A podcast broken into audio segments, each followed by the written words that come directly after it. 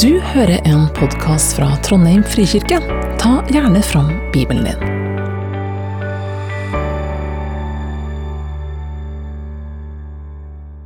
Så kjekt å få være på støperiet, input, og undervise litt. Temaet er ikke karriere. Eh, Det er jeg ferdig med, så det trenger ikke vi å snakke om. Men eh, vi skal snakke om penger. Eh, Og da har jeg et utgangspunkt for min eh, tenkning omkring det å være en disippel av Jesus. Og det er at det å være en disippel av Jesus, det er å gå inn i det livet som vi er skapt for. Eh, når Jesus snakker om 'kom til meg, alle dere som strever bare tunge byrder', det liker vi, for han vil gi oss hvile. Men han fortsetter litt. Og da, da sier han at ta mitt åk på dere og lær av meg, for jeg er mild og ydmyk av hjerte, så skal dere finne hvile for deres sjel, for mitt åk er godt og min byrde lett. Å bli en disippel det kunne beskrives som å gå inn under et åk sammen med den rabbien som du lærte av. Slik som okser gikk sammen og drog eh, et åk, slik ble dette ordet brukt om det å være en disippel. Så Jesus han sier 'gå sammen med meg under mitt åk'. Hvorfor? Vi tenker jo ofte at det- er vrient, det er vanskelig, det er tungt og slitsomt. Gud er kommet for å plage oss, gjøre livet litt sånn grått og kjedelig, men vi skal få belønning i himmelen en gang. Jesus sier det akkurat det motsatte. Han sier 'mitt åk er lett'. Min, mitt åk er godt, og min byrde er lett. Og jeg har eh, tenkt at det henger nok sammen med at eh, han leder oss inn på en vei som er den veien som eh, Gud skapte oss til å leve. Det er ikke sånn at han tvinger oss inn på en eh, kronglete og umulig vei, men han ønsker å lede oss inn i den verden, i det Guds rike, i den eh, settingen som, som han skapte oss til når han skapte oss. Det har hjulpet meg i forhold til mange tema omkring det å være en disippel. Men det har også hjulpet meg særlig i forhold til det med penger. Eh, noen av dere var på gudstjeneste her på søndag. Eh, jeg skal ikke ta i håndsopprekning, for det, det blir litt flaut for de som ikke var her. Neida. Men eh, da snakka jeg om eh, en, eh, en som heter broder Andrew. Brother Andrew. Han eh, jobba sammen med moder Teresa i 20 år i Calcutta. Han leda den mannlige delen av det arbeidet i slummen i Calcutta. Og så var han, eh, når han ble litt eldre, så, så reiste han litt rundt og snakka om eh, disippelskap. Og så ble han intervjua ute på gamle Fornebu, så dette her er lenge siden, men ute på gamle flyplassen, av en som jeg kjenner som heter Asle Finseth, som er redaktør for et magasin som heter Strek. Er det noen som har hørt om det? Opp med hånda. En del av dere har hørt om Strek. Eh, og det, I det magasinet så hadde han da et intervju med broder Andrew. For når han kom ut på flyplassen heseblesende for han skulle ha et intervju med han før flyet gikk, så så fant han broder Andrew sittende der på en benk.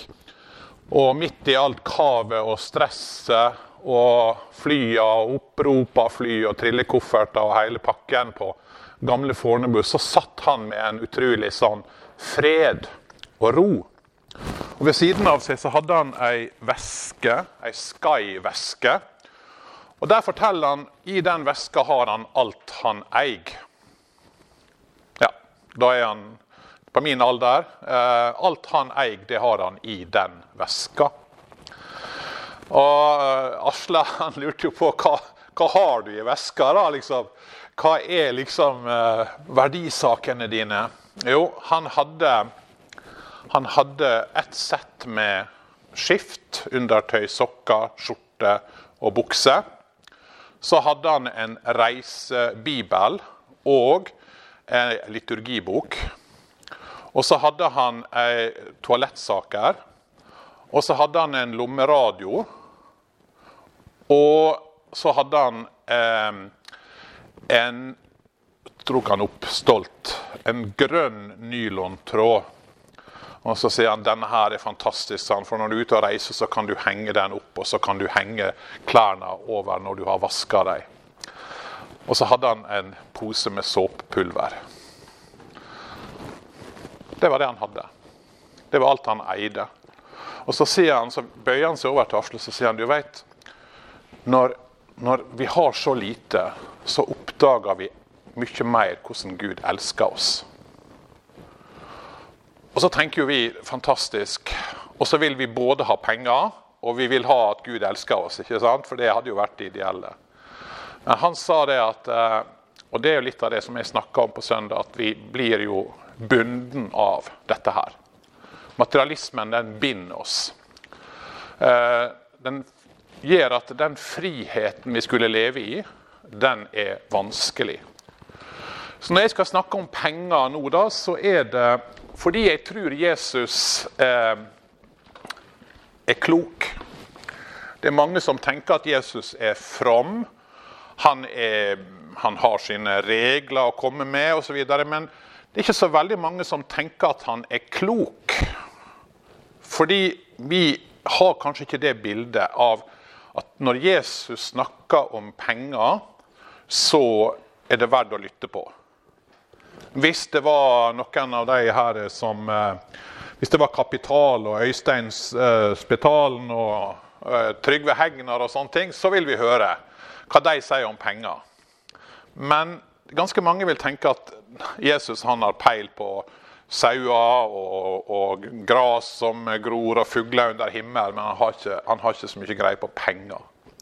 Og det er selvfølgelig helt feil. Han som har skapt verden, og som har skapt alt, han veit hva som er det gode livet. Også på dette området. Så Det er liksom mitt utgangspunkt når vi skal snakke om dette vanskelige temaet. Der jeg sjøl sitter i glasshus, bare så det singler, for å si det rett ut. Fordi eh, ja, jeg har for mye penger. Eh, det, hvis noen tenker at nå skal jeg gå og spørre etterpå, så bare ikke gjør det. da, Men, eh, men det er litt sånn vi, vi er Iallfall jeg, da, som er så gammel som jeg er. Dette er et utfordrende tema. Dette er vanskelig, men vi tar det likevel. Og da er det jo slik at når Bibelen, når vi leser den, så snakker den mye om penger. Der fins ca. 600 vers i Bibelen om bønn. Der fins ca. 600 vers om tru. Men det fins 2300 vers om penger og eiendeler. Så penger og eiendom var det temaet Jesus snakka nest mest om. Det han snakka mest om, det var jo Guds rike. Men det temaet som deretter han snakka nest mest om, var dette som vi skal snakke om her i dag. Penger, eiendom. Så hvordan kan vi følge Jesus når det gjelder eiendom og penger? Det er temaet for i kveld. Hvordan være en disippel på dette området. Og Da kan jeg jo si med en gang at eh, det er krevende. Luther han sa det at det siste som blir omvendt, det er lommeboka. Så han hadde et veldig realistisk syn på det her. At eh, det, det sitter hardt i oss. Så jeg har noen uh, tanker om dette her, da. Og Denne første er kanskje litt overraskende, nemlig at Bibelen forbyr ikke personlig rikdom. og Den fordømmer ikke den rike. Det fins mange personer i Bibelen som var rike, men som likevel hadde et godt forhold til Gud, og som Gud rosa. Abraham var rik. Jobb var kjemperik. Salomo var enormt rik. Josef fra Aritmathea, som var en av Jesu disipler, det står om han at han var rik. Og Lydia, som vi møter i romerbrevet, hun som holdt på med purpursalg, eh, purpurklær, hun var rik. Så eh, det er litt for lettvint å tenke at ja, Bibelen sier ingen bør være rike, alle bør være fattige. Det er ikke sånn. Men hva med denne rike unge mannen som Jesus sa 'gå og selg alt du eide'? Ja, han sa det til den rike unge mannen. Han sa det ikke til Josef fra Aritmatea. Hvorfor sa han det til den rike unge mannen? Ja, Det kan vi ha en tale om, men det er helt klart at for den rike unge mannen så var rikdommen blitt ei hindring. Bandt han, og Jesus ville sette han i frihet. Eh, det hindra han fra å følge Jesus. Det hindra han fra å gripe det virkelige livet, gripe det evige livet. Og Derfor ville Jesus hjelpe han og si gå, selg det du har, følg meg. Så skal du få en skatt i himmelen. Og så gikk han bedrøva bort, fordi rikdommen den hadde bundet han. Men han sa altså ikke det samme til Nikodemus, som var rik. Han sa ikke det til Josef av Aritmathea. Paulus sa ikke det til Lydia. Tvert imot så brukte eh, Paulus Lydia sitt hus, som antagelig var stort, for å samle menigheter der. Eh, så det som Bibelen ber oss om, eh, det er å være takknemlig det er for meg et sånn viktig utgangspunkt. Den sier ikke at det, er feil å ha ting, men den sier vær takknemlig for det du har. Takk alltid Gud og Faderen for alle ting i vår Herre Jesu Kristi navn. Alt det vi har, hører jo djupest sett Gud til. Så det å takke Han for klær og for mat og for eh, studielån Vet ikke om du kan takke Gud for studielån, da, for du må jo betale det tilbake igjen. Men stipender eh, Det er bibelsk å gjøre. Å si takk Gud for du sørger for meg. Og I Forkynneren 5,18 så står det når Gud lar en mann få rikdom og gods og gir ham lov til å nyte det, så han kan ta sin del og glede seg midt i sitt strev, da er dette en gave fra Gud. Det er ikke sånn at Bibelen sier å nyte, det er feil. Eh, å være asket og spise eh, bare grønnsaker eller hva du måtte tenke som er askese og osv. Det er ikke et bilde eller en tanke som Bibelen gir. Nei, han sier at det er lov å nyte det. Det er lov å nyte det. Det er lov å være takknemlig for det gode Gud gir oss. Det er lov å være takknemlig for den rikdommen vi har, og de klærne vi har, og den velstanden vi har. Og kanskje trenger vi å si det, fordi det er noe som er fort gjort, og det er å se ned på folk med mye penger og dra deres moral i tvil bare fordi de er rike. Jesus gjør ikke det. Når han møtte den rike unge mannen, så forakta ikke han. Det står tvert imot om at han ble glad i han. Han fikk han kjær. Så det er ikke sånn altså at Gud elsker deg mindre om du har mye penger. Men det andre jeg har lyst til å si da, det er jo at den rike har en unik mulighet til å bruke pengene til velsignelse, og gjennom det bli velsigna. Den som er rik, har i prinsippet to valg. Enten å få mer og mer og bygge opp denne rikdommen, mer og mer, eller å bruke rikdommen til å velsigne andre. John eh, Rockefeller han grunnla jo Standard Oil Company. Når han var 53 år, så var han, så var han totalt uh, et vrak.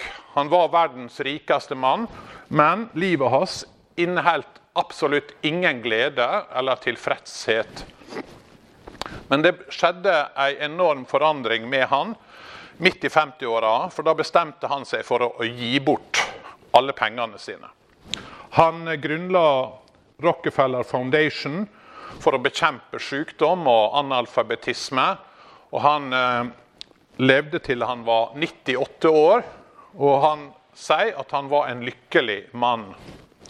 Han hadde oppdaga at det var å gi vekk pengene som ga han den store gleden.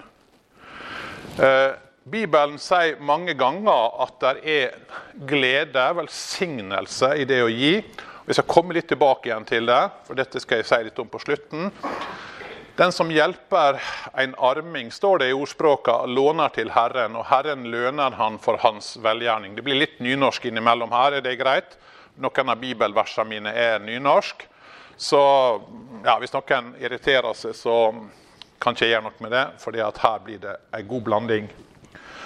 Eh, og i andre Korinterbrev så så, eh, så, skriver Paulus om dette her, at den som sår sparsomt, skal hauste sparsomt. Og den som sår med rik hånd, han skal få en rik haust. Og Dette snakker han om når det gjelder penger. Han sier det at det å investere i Guds rike, det er eh, en klok investering. På samme måte som en bonde vet at ved å bruke de potetene som han kunne ha spist, til å putte i jorda, så vil han få ei mye større avling. Så jeg kommer tilbake igjen til dette her. Men det tredje det er jo da at å være rik er farlig. Å være rik og ha mye penger er skummelt. Det er en, å være i en ugunstig åndelig situasjon, sier Bibelen. Fordi at eh, vi tenker jo at eh, hvis du er rik, så er du heldig. Da har du alle fordeler. Er du fattig derimot, så har du jo store problemer, og da er livet ditt grått. Hva sier Bibelen? Den snur det på hodet og sier den bror som står lavt i verden, skal rose seg av sin høye stand. Men den rike skal rose seg av sitt låge stand, for som blomen i gresset skal han gå til grunne. Sola stiger og brenner, gresset visner, blomen faller, og all hans venleik kverv. Det er noe flott med nynorsk, da. På samme måte skal den rike visne midt i alt sitt arbeid. Denne sier at den rike har ikke noen fordel. Den rike har ikke noen fordel. Snarere tvert imot.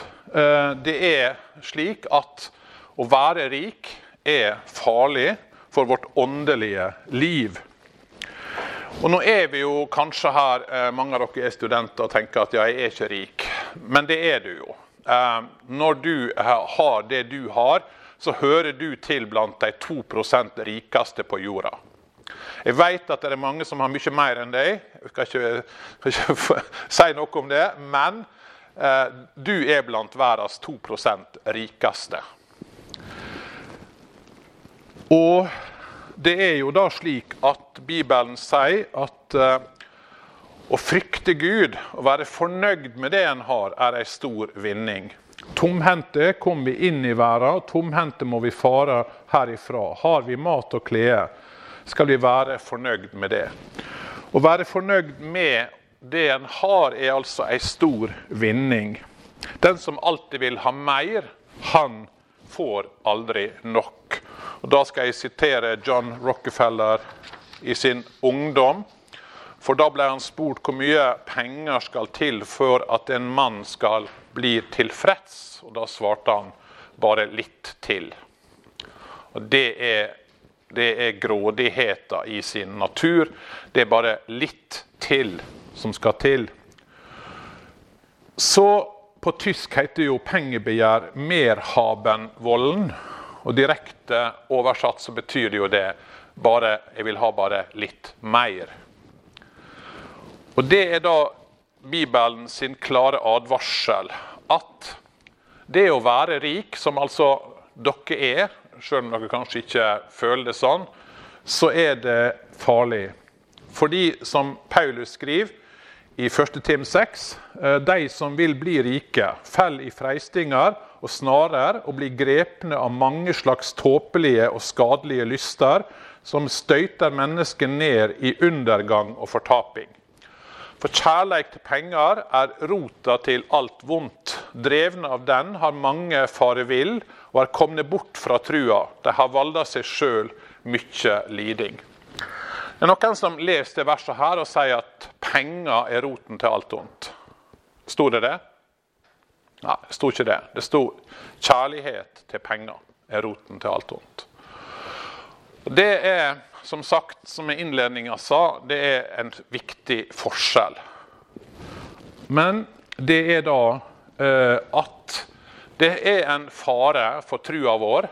Drevne av dette her, så har folk kommet vill, sier Paulus, og har kommet bort fra trua. Så det å følge Jesus på dette området, det betyr jo å høre på hva han sier om hvordan vi skal forvalte pengene og rikdommen. På hva måte er rikdom farlig? Jo, det er faktisk farlig for frelse. Den fører jo til en slags falsk sikkerhet. Og det er ikke uten grunn at jo rikere en blir, jo færre er det som tror på Gud.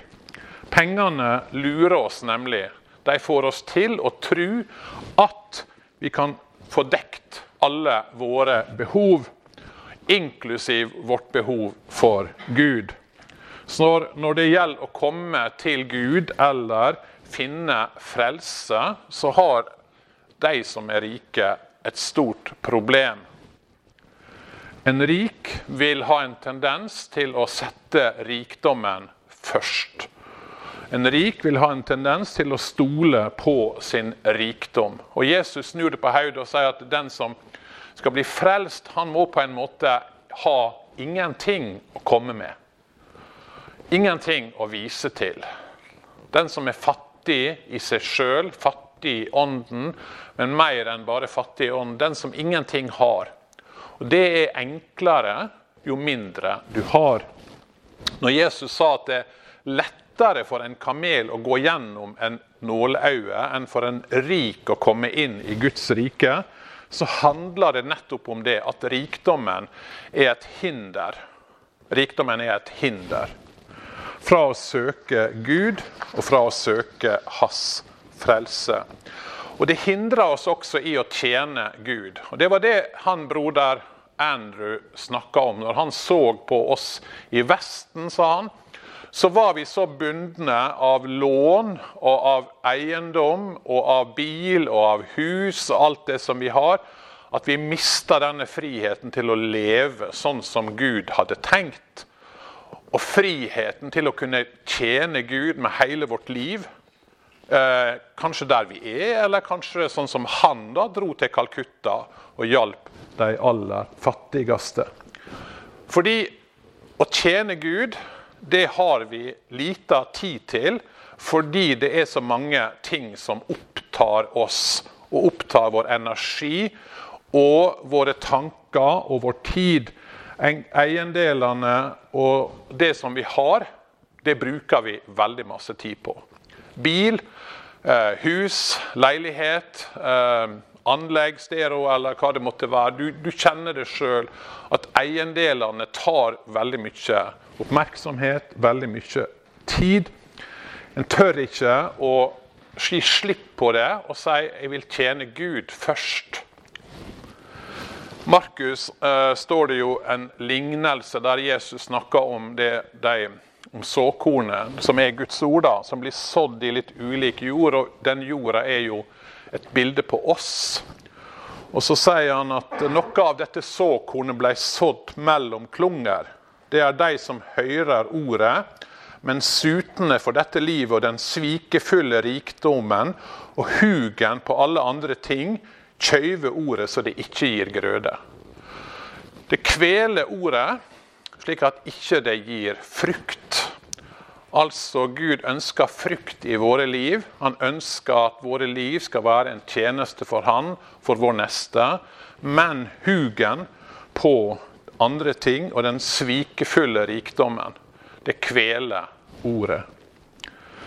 Du kan samle deg masse penger, men du gjør ikke noe som betyr noe i Guds rike. Så det hindrer en rike i å tjene. Fordi Gud han har altså planer for å bruke livet våre. Men, sier Jesus, den svikefulle rikdommen, hugen på andre ting, det kveler ordet. Og så sier Jesus at eh, den rike har det problemet at han investerer på feil plass. Han investerer ikke i det som varer, han investerer i det som ikke varer. I Lukas så sier Jesus da et eh, merkelig setning som jeg har tenkt ganske mye på, og det er 'bruk pengene'. Altså Jesus sier ikke at det, eh, det er feil med penger, men han sier du har penger. Hvis du har penger, bruk dem. Som de pengene som det hefter så mye urett ved. Og Det sier han til en advarsel om penger og materialismen i det hele tatt. Bruk dem til å vinne dykk venner som kan ta imot dykk i de evige heimene når pengene tar slutt. Det er en litt sånn merkelig tanke. Men det Jesus sier, det du investerer i Guds rike, når du gir penger til misjon, hva skjer? Jo, mennesket får høre evangeliet. Dine penger fører til at mennesket blir kristne, som du får som venner i det himmelske riket. Er dere med? Med på tankegangen?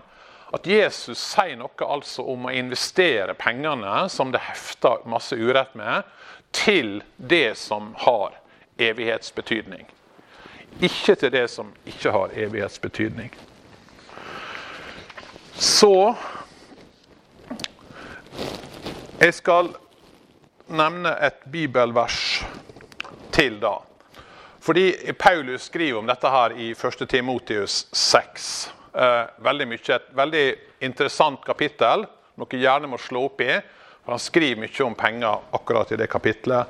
Og Der oppsummerer han på en måte by de som er rike i denne verden, at de ikke må være hovmodige og sette seg i von til den usikre rikdommen, men til Gud. Altså, sett ikke lit til penger, til det du har, men til Gud, det som har med frelse å gjøre. Han gir oss rikelig av alt så vi kan nyte det. Det er altså ikke galt. Er tvert imot så er det sånn at vi skal få takke Gud for alt det gode han gir oss. De skal gjøre vel, være rike på gode gjerninger. Gi med raus hand og gjerne dele med andre. På den måten skal de samle seg skatter og legge en god grunnvoll for den tid som kommer så de kan gripe det sanne livet. Se, sier Paulus, perspektivet lenger enn det du investerer her. Se det evige perspektivet med pengene. Så her er altså Guds tanker for oss. Ikke vær hovmodig. Ikke tenk at dette her har jeg fortjent. Fordi du fortjener det, er en utrolig skummel reklame. Fordi den sier at dette er ditt, og det er din eh, fortjeneste. Nei, sier Bibelen. Alt du har, har du fått. Alt du eier, har du fått av Gud. Livet ditt, hendene dine du kan jobbe med, intellektet du bruker på å studere for å få deg en jobb osv. Alt har du fått. Så ikke bli håndmodig, eh, men vær takknemlig isteden. Ikke sett din lit til den usikre rikdommen. Den gir deg ikke lykke. Og Det er jo der vi blir selvfølgelig lurt av all reklamen. Vi tenker at hadde jeg vunnet fem millioner i Lotto, så hadde jeg blitt lykkelig. De har jo gjort eh, undersøkelser på det. De har jo undersøkt de som vant mer enn fire millioner D-mark i Tyskland på Lotto. Dette var før euroen. Men det de fant, det var at omtrent alle var blitt mer ulykkelige etter de vant lottogevinsten. Det var alkoholproblem, det var skilsmisse, det var elendighet på alle måter. Folk hadde gambla det vekk igjen osv. Så videre. sånn at det de fant når de sjekka lottomillionærer, det var at det førte til ulykke. Ikke sett din lit til den usikre rikdommen, men til Gud. Og så gi bort av din rikdom. Bruk det. Eh, når Bibelen snakker om dette, her, så bruker han et bilde fra jordbruket. Og sier det at eh, det er slik at jo mer, jo mer du sår, jo mer høster du. Og så tenker noen ja, men jeg skal begynne å gi når jeg blir rik. Ok? Det er jo da selvfølgelig en illusjon at du vil. For det er nemlig sånn at De undersøkte i USA på hvor mye folk ga bort av det de hadde. Husholdninger med inntekt under 80 000 de ga bort 5,5% Husholdninger med inntekter over 800 000 ga bort 2,9% det er ikke sånn at eh, ja, når jeg blir rik, når jeg begynner å jobbe, eller når jeg begynner å virkelig få nok, da skal jeg begynne å gi. Det er en illusjon du må begynne å gi når du er der du er. Ei dame som jeg leste om, hun sa dette her. Hver gang jeg blir forvirret over penger og hva jeg skal gjøre med dem, så får jeg stor klarhet og perspektiv når jeg stopper opp og tenker på at det ikke er mine penger. Jeg ser på meg selv som en åndelig aspirant som har blitt betrodd en stor sum penger av Gud.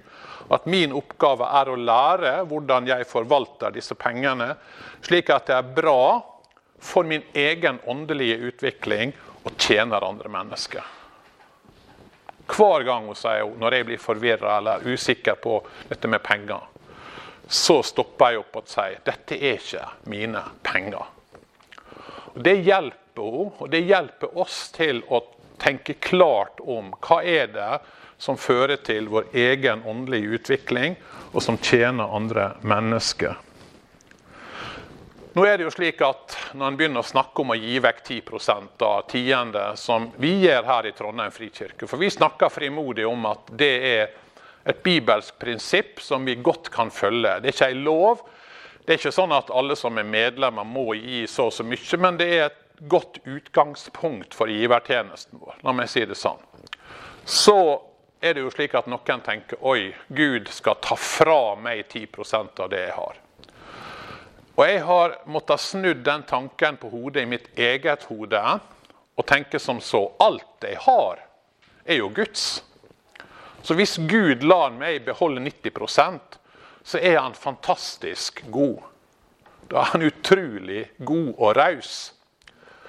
Så hvis du tenker nei, jeg kan ikke gi vekk 10% fordi at eh, det, Gud plager meg med dette her, så snu tankegangen og si hvor mye lar Gud deg beholde?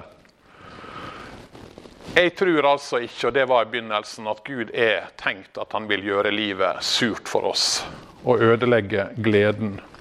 Så når det gjelder det å gi tiende, så mener jeg det er en stor velsignelse. Hvorfor? For det første fordi det befrir oss fra materialismens kvelertak. Uansett hva du måtte mene om materialismen og rikdom, så fanger den. Når Jesus kaller mammon for en gud, så er det ikke uten grunn. For han sier at her er det ei makt her er det ei kraft som ikke er god, som er en del av dette bildet. Så skal du bli fri fra materialismens kvelende eh, kvelertak, så er det å gi en utrolig befrielse. Det er en befrielse å gi vekk pengene. Og jeg tror at å gi vekk penger er klokt. Eh, der er ei bok som heter 'Gjør det, bli kvitt innvendingene og nå dit du vil'. Det er en som heter John Roger og Peter McWilliams. Det var en venn av meg som, eh, som driver med business, da, som leste dette her. og Så kom han til meg og fortalte om dette her. Og så sier han det at eh, han oppdaga plutselig midt inni denne boka, som handler om hvordan Dette her er ikke folk som er kristne. Men dette her er folk som skal hjelpe folk som skal starte business. I ett kapittel så handler det om hvis du skal lykkes med å starte en bedrift, du skal lykkes med å eh, skape liksom, den neste Microsoft eller eh, ja, eh, Google eller et eller annet sånt, så må du gi vekk 10% av alt du tjener. Det sier altså disse her, som ikke er kristne, som ikke har lest i Bibelen, men de sier at eh, hvis du gir vekk 10% samme hva du gjør med pengene Du kan hive dem ut gjennom vinduet, du kan brenne dem, du kan gi dem til eh, Røde Kors eller hva som helst. Bare kvitt deg med 10% fordi det vil hjelpe deg til å holde fokus på eh, verdiene og på visjonene for firmaet, og ikke på fortjeneste og businessen. For hvis du bare fokuserer på fortjeneste, så vil du ikke lykkes, sier de. Så jeg tror det er klokt. Disse folka her som altså ikke hadde lest Bibelen om dette, her, men som hadde studert hva som kjennetegner businesser som lykkes, de sa kvitt deg med 10% Samme hva måte hvor hen osv. Kanskje er det noe som eh, hjelper oss på mer enn ett område. Og så har Gud knytta altså veldig sterke løfter til det å gi. Gud sier at uh, her er velsignelser. Og jeg tror at uh, det er få ting som kan hjelpe oss i vårt åndelige liv, så mye som å begynne å gi vekk penger. Eh, ja, vi skal lese i Bibelen. Ja, vi skal be. Ja, vi skal gå på input. Ja, vi skal følge åndelige øvelser og alt dette her. Men å gi er en utrolig eh, vei til at Gud får vise sin godhet og sin velsignelse mot oss. Hvor mange av dere har hørt om en som heter Einar Lundby? Opp meg hånd. Noen få. Han var en eh, veldig spesiell kristen. Han var overlege på Modum bad, men han var en som, som ja, kanskje før min generasjon var en av de fremste kristne her i landet. Han opplevde utrolig masse med Gud. Hvis dere leser om livet hans, så er det nesten sånn du tror ikke det. Men han hadde et utrolig forhold til Gud. Men han sa det om tiende, da. Og han levde hele livet etter prinsippet om tiende. Og så sa han en gang tiende er så rikt av velsignelse at jeg nesten er fristet til å spekulere i det. Det var hans holdning til det her. Og han sier der er så mye gjemt velsignelse i det å gi. Fordi Jesus vil at vi skal gripe det sanne livet. Så da skal jeg slutte med noen enkle eh, punkt, som er min eh, anbefaling til dere, eh, rent praktisk, eh, til å komme videre med dette. For dette her må en gjøre noe med. En kan ikke bare høre det, og så kan en gå hjem og si at ja, det var en interessant tale av han pastoren her i kveld. Her er det faktisk slik at uh, Jesus faktisk ber oss om å gjøre noe. Ja. Så her har du noen uh, tanker fra meg. Gi meg glede. Um, det er selvfølgelig ikke sånn at uh, ja, gleden nødvendigvis strømmer over deg når du finner fram telefonen og vippser til misjonen eller hva du gjør. Men eh, gjør det med et glad hjerte. Gjør det med et takknemlig hjerte, fordi Gud har velsigna deg så masse. Eh, så når du gir, så takk Gud for det du har fått. Det hjelper deg til å se at dette her er jo ikke mitt uansett. Og Det andre punktet det har jeg allerede snakka om. Ikke vent til du blir rik. Da vil du vente eh, hele livet. For du blir aldri rik nok. Eh, det var en, eh, litt artig historie. Det er en, en, pastor som heter Bruce Larson, som, som var pastor i Seattle. Og han hadde jo forkynt om dette her med tiende da, i menigheten. Så var det en mann da i menigheten som, som kom til han og spurte om han kunne få snakke med han. Ja da, det kunne han. Og så sier han det at ja, du skjønner, jeg har jo satt og hørt på den forkynnelsen din om å gi tiende. men du forstår, jeg tjener så enormt masse at det å gi tiende blir fryktelig masse penger å gi vekk, sier han her karen. Og så, og så prøvde Bruce Larsen å snakke litt med han om det, da, men det var fryktelig vanskelig. For den summen han måtte gi vekk hvis han skulle gi tiende, var, det var rett og slett altfor stor.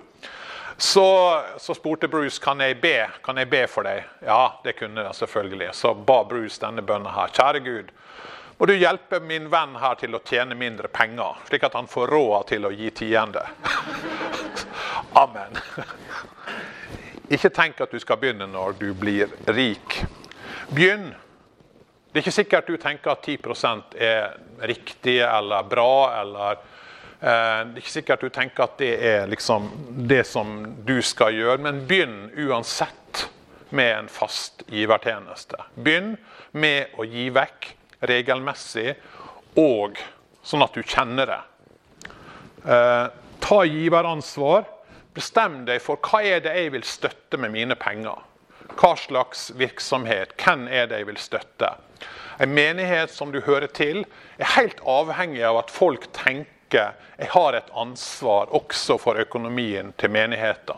Jeg har et ansvar for misjon, jeg har et ansvar for eh, organisasjoner som jeg er en del av. Så ta et ansvar for det som du gir til. Gi regelmessig fast.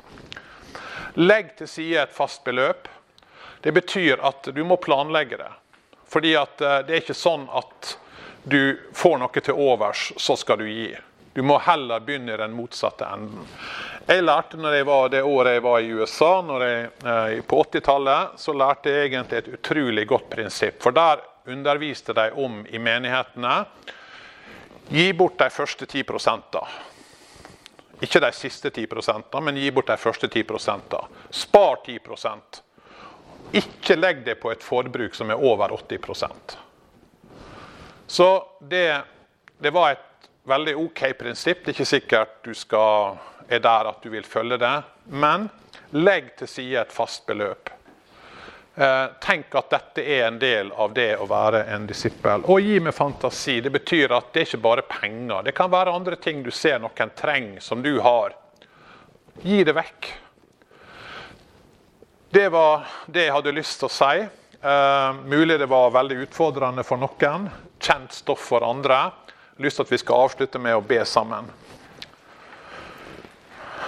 Kjære Jesus, du, du veit uh, jeg sitter i glasshus, og vi sitter i glasshus på dette temaet. Jeg ber om at du må tale til oss.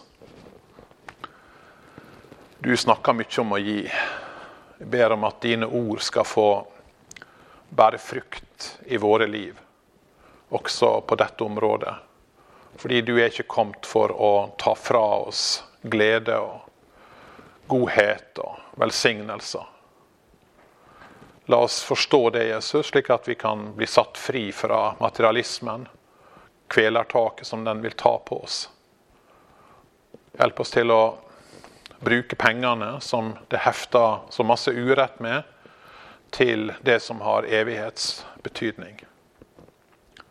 Du kommer til hver enkelt her, Gud.